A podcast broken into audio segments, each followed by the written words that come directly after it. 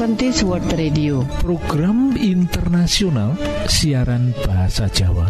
Lan kagiatan langsung saking pulau kuat eh wekdal samiko badhe maparakan dumateng penjenengan sedaya. Kalih program inggih menika ruang kesehatan lan salajengipun pembahasan rohani. Kulo percados pilih acara menika tamtu bermanfaat kagem kita sedaya Sumangga. Saking studio Kulo ngaturaken sugeng midhangetaken. Judul pembahasan ing wektu iki guyu utawa tertawa merupakan sawijining obat bahagian keluru kita wis mempelajari kanthi gamblang menurut penemuan para ahli. Yen guyu utawa tertawa sing asale saka ati utawa guyu tumusing batin tumuju marang semangat panguripan sejati. Tertawa yang dari hati itu akan merupakan bagian daripada obat untuk kesembuhan. Lah kuncine yaiku kita kudu duweni pikiran sing positif wis kita pelajari ing bagian sing terdahulu Nah, untuk bisa berpikir positif, kita kudu ngilangake pola pikir kang negatif. Lan kita kudu yakin yen penyakit sing kita derita iku bakal bisa entuk berkah saka Gusti Allah. Lah, yen kita duweni keyakinan kaya mangkono, guyu sing asale saka hati yang paling dalam. Tertawa terbawa bak, esem guyu kang terusing batin. Iku tumuju marang semangat panguripan jati. Membahas sehubungan karo tertawa yang merupakan obat. Nah, menika ada satu kesaksian para sederek. Ing taun 1970 ana pawongan sing jenenge Norman Cousin. Norman Cousin iki ngarang sawijining buku menerbitkan sebuah buku yang sangat penting sing merupakan kesaksian pribadi. Bagaimana ia sembuh dari sakit penyakit yang dialami dengan mempraktekkan tertawa sing asale saka batin guyu mesem guyu kang tumusing batin yang terbit dari hati yang paling dalam. Lan iki dadekake proses kesembuhan saka penyakit sing dialami para sendiri ing taun 1964 Waktu iku Norman Cousin menjabat sebagai editor Saturday Review. Duweni kedudukan sing sangat mantap. Nanging piyambake mengidap satu penyakit yang mempengaruhi seluruh tulang-tulang sendine para sendiri. Yang tulang-tulang sendi utawa sendi-sendi tulangnya itu digerakkan, menimbulkan rasa sakit nyeri yang luar biasa. Dokter menai antibiotik, dokter menai obat-obat, lan saben dina Norman Cousin kiku kudu ngombe obat cacai wolu likur tablet utawa kapsul sing kudu dikonsumsi. Bendino para sederek Dadi akin Norman Cousin tuh bosen. Saking nyeri sing dialami, dheweke ora iso nggerakake tulang-tulang sakujur tubuhe. Amarga rasa nyeri sing luar biasa. Ora mung iku wae sing diderita. Norman Cousin uga ora bisa turu. Babar blas. Amarga rasa lara sing luar biasa sing dialami. Mula saka iku dokter kudu menehi obat cacahe 28 tablet lan kapsul saben dina kudu dikonsumsi. Nanging sak banjure ora ana perkembangan sing mengembirakan. Mula dokter lan Norman Kausin iki bekerja sama. Arep nindakake cara terapi sang baru. Yaiku terapi tertawa. Carane piye? Norman Kausin iki dirawat ana ing kamar dhewean lan dokter-dokter menehi buku-buku sing isine buku-buku yang mengembirakan. Buku-buku yang isa yang bisa membangkitkan tertawa. Lan ora mung kaya ngono wae. Dokter Duker uga menehi marang Norman iki film-film sing iso ditonton ana ing layar televisi yaiku film-film komedi, film-film lawak lan hasile ngidap-idapi lho sendiri. Sakwise Norman iso guyu cekikian. Sakwise Norman iki iso guyu tertawa lepas 10 menit. Hasilnya apa para sederek? dheweke iso turu angkler selama rong jam lan pengalaman iki ora pernah dialami amarga ora iso turu selama iki tertawa 10 menit menyebabkan dia bisa tidur selama 2 jam. Lan sak banjure dheweke iso tertawa, tertawa, tertawa. Lan iso tertawa terbahak-bahak. 10 menit, 10 menit, 10 menit, 10 menit. Lan sak banjuri Norman Kausin yang sak sebelumnya ora iso turu babar pisan. Saiki iso turu angler turu angler turu angler. Lan ing jangka waktu satu tahun penyakit nyeri sendi sing sangat luar biasa iku ilang babar blas. Dheweke sing selama ini ora iso menggerakkan anggota tubuh amarga rasa nyeri dheweke iso turu angler iso menggerakkan tangan iso menggerakkan kaki iso berjalan lan pelan-pelan Norman Cousin iku sembuh. Mula ing taun 1970 menulis sebuah buku yang sangat luar biasa The Healing Heart yang isinya yaitu kesaksian piye dheweke iso waras wiris saka sakit penyakit sing luar biasa iki. Amarga dheweke diwenehi terapi guyu cekakaan iki. Sakwise Norman iki waras wiris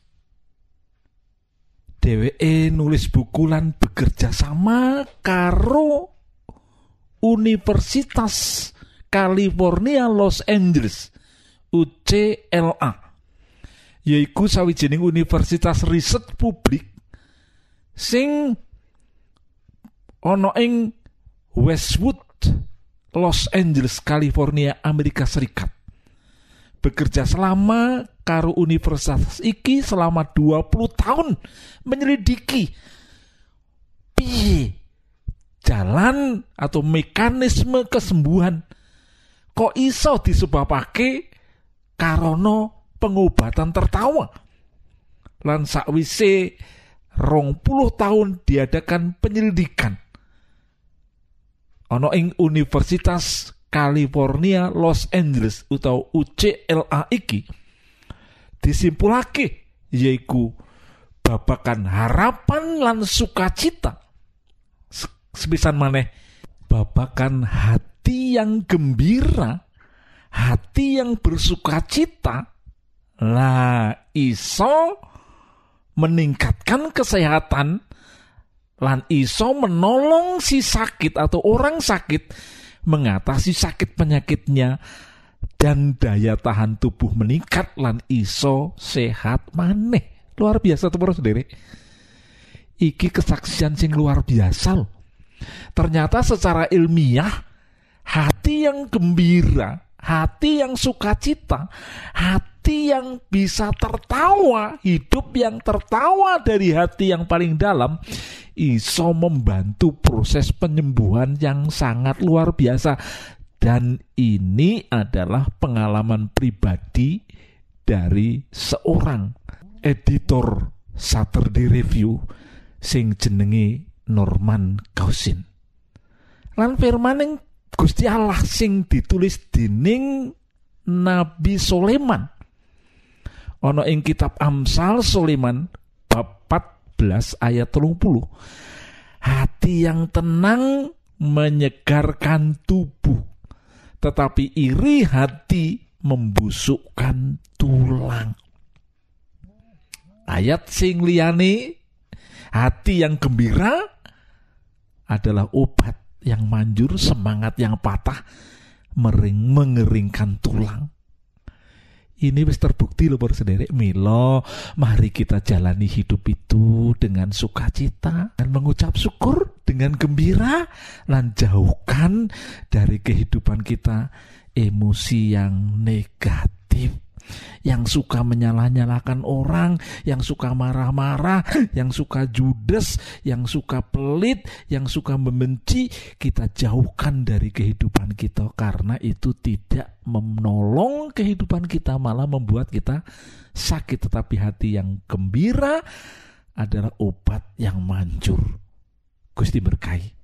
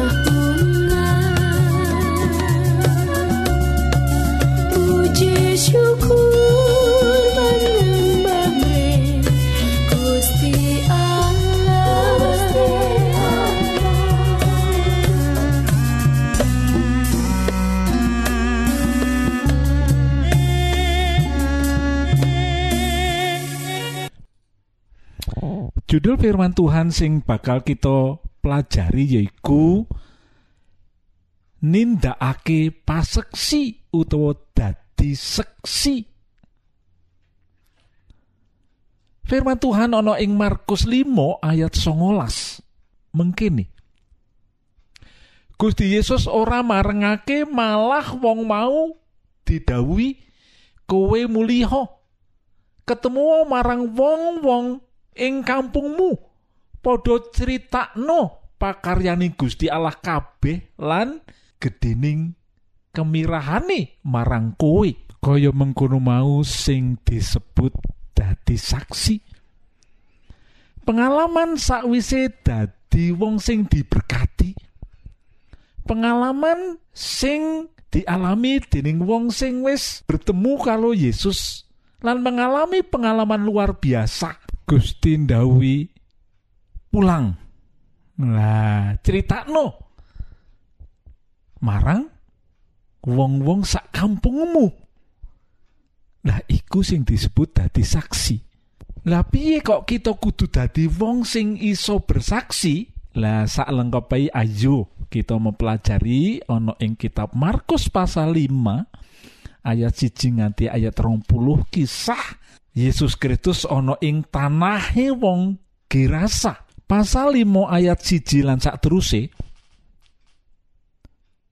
Satekane ing sebrangi tlogo, Gusti Yesus lan para murid-murid padha darat ing tanahe wong Gerasa.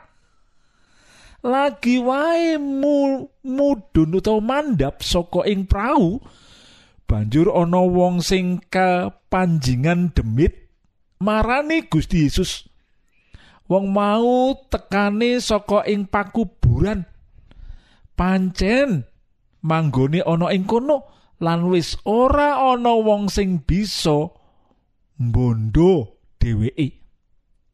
Senajan dibondo nganggo rantai pisan mesti pedot utawa dipedot wis bola bali wong kuwi tangane sikile dirante nanging ijo bola bali dipedot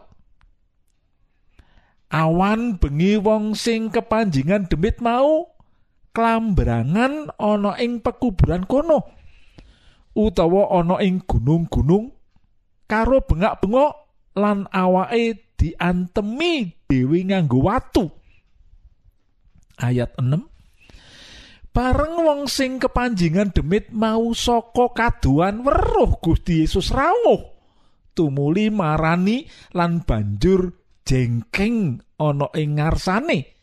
Ature duh Gusti Yesus putranipun Allah ingkang maha luhur kula badhe panjenengan napaaken lah menika kula badhe panjenengan menapaaken panyuwun kula demi Allah mbok kula sampun panjenengan siksa. Anggone matur mengkono kuwi merga demite wis didawi dening Yesus utawa Gusti Yesus. Hei demit metu saka wong kuwi. Gusti Yesus ndangu marang demit mau sapa jenengmu? Sapa jenengmu demi timang suli nama kawula legiun. Awit cacah kula kathah. Demit mau nyuwun kanthi adrek marang Gusti Yesus supaya demit demit kuwi aja ditundung saka panggonan kono. Ana ing perengane puntuk cedhak panggonan kono ana babi pirang-pirang lagi padha golek pangan demit-demit mau padha nyuwun marang Gusti Yesus mbok kula sami keparingana manggen ing babi-babi menika. Gusti Yesus marengake demit-demit mau banjur padha metu saka wong kuwi tumuli mlebu ing babi-babi sing cacahe kira-kira ana rong ewu. Babi-babi mau banjur padha mudhun saka ing puntuk padha ambyur ing tlaga lan padha mati kelep ana ing kono. Kocapo para pangone babi-babi mau tumuli padha mlayu mlebu ing desa padha nyritakake lelakon mau marang wong-wong ing kono sing banjur padha mbuktekake apa sing kelakon.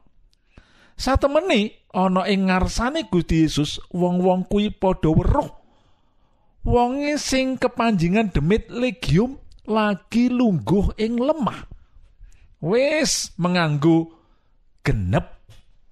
Lan wis waras nanging wong-wong mau isih padha wedi karo wong kuwi. Sing padha weruh lelakon mau banjur padha nyeritakake marang wong-wong kang padha teka iku. Bab lelakon wong kang kepanjingan demit lan bab babi-babi mau wong-wong mau banjur padha nyuwun kelawan adrek marang Gusti Yesus supaya kersa tindak saka panggonan kono. Nalika Gusti Yesus minggah ing prau wong kang mentas kepanjingan debit mau matur kalilanono utawa diizinkan derek Gusti Yesus ora marengake malah wong mau didawi kowe mulya. Ketemu marang wong ing kampungmu padha critakno pakaryaning Gusti Allah kabeh lan gedining kamirahane marang kowe. Wong mau banjur mangkat lan martakake ana ing tlatah Dekapolis bab apa sing ditindakake dening Gusti Yesus marang dheweke? Saben wong sing krungu critane padha kairaman para sederek iki sing disebut dadi saksi. Wong sing wis kerasukan demit disembuhkan dening Gusti Yesus. Pengalaman sing indah iki Gusti Yesus pesen mulya dadi saksi. Critakno marang wong-wong sak kampungmu.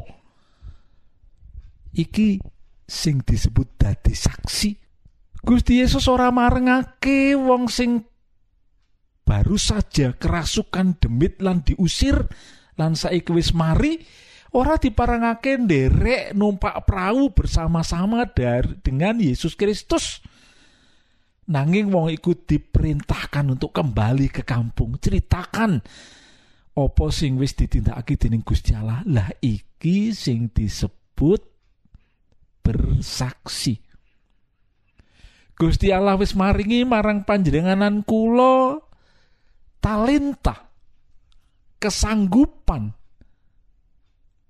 Lan melalui talenta kesanggupan iku iso digunakake kanggo bersaksi. Pengalaman-pengalaman Gusti wis berkahi panjenengan.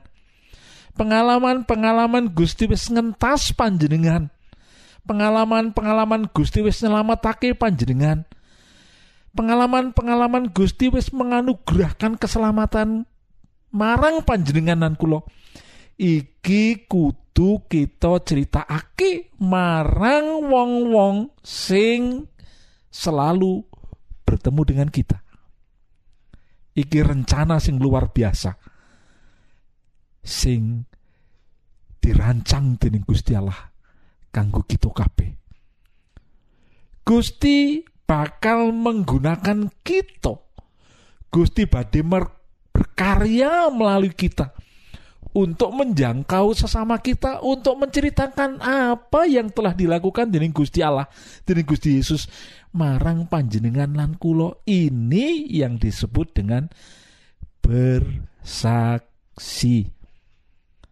Saksi artinya kita adalah orang yang melihat kita yang merasakan yang tahu melihat dan kita yang sudah melihat apa yang Tuhan buat, kita yang merasakan apa berkah Tuhan, lah ini kita harus menjadi saksi, saksi Tuhan supaya orang lain juga mendapatkan berkah.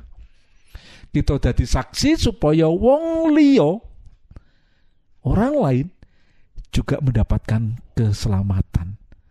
Mari kita berdoa monggo kita ndedonga Gusti kawula mugi paduka paringi kakendelan kesanggupan, keberanian kangge atur pasiksi untuk menceritakan kepada sesama kita sinten to Gusti Yesus menika. Matur suwun Gusti, matur suwun. Amin. Cekap semanten siaran Kawulo pilih wonten pitaken-pitaken utawi unjuin atur masukan-masukan lan menawi panjenengan gadah pengingan ingkang lebet badhe sinau ba pangantikaning Gusti. Lumantar kursus Alkitab tertulis Monggo. Kulo aturi pepanggihan kalian radio Advent suara pengharapan kotak pos wolu enol songo enol Jakarta setunggal kali wolu setunggal 0 Indonesia. Panjenengan saged mlebet jejaring sosial Kawulo inggih menika Facebook pendengar radio Advent suara pengharapan utawi radio Advent suara pengharapan. Saking studio Kulo ngaturaken gong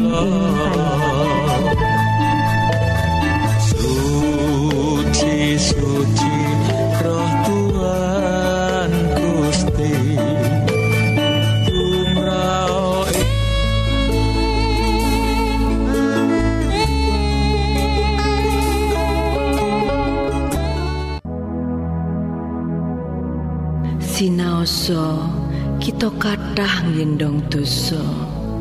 Raos tan jenjem manah kebak panalongso. Ing batos hamungulandoro.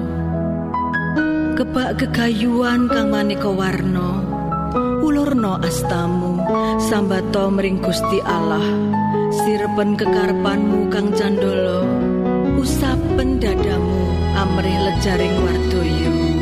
Margo Gusti tansah pirsa lan amirsani ora-orane Gusti Tego mesti bakal paring musi sanjekti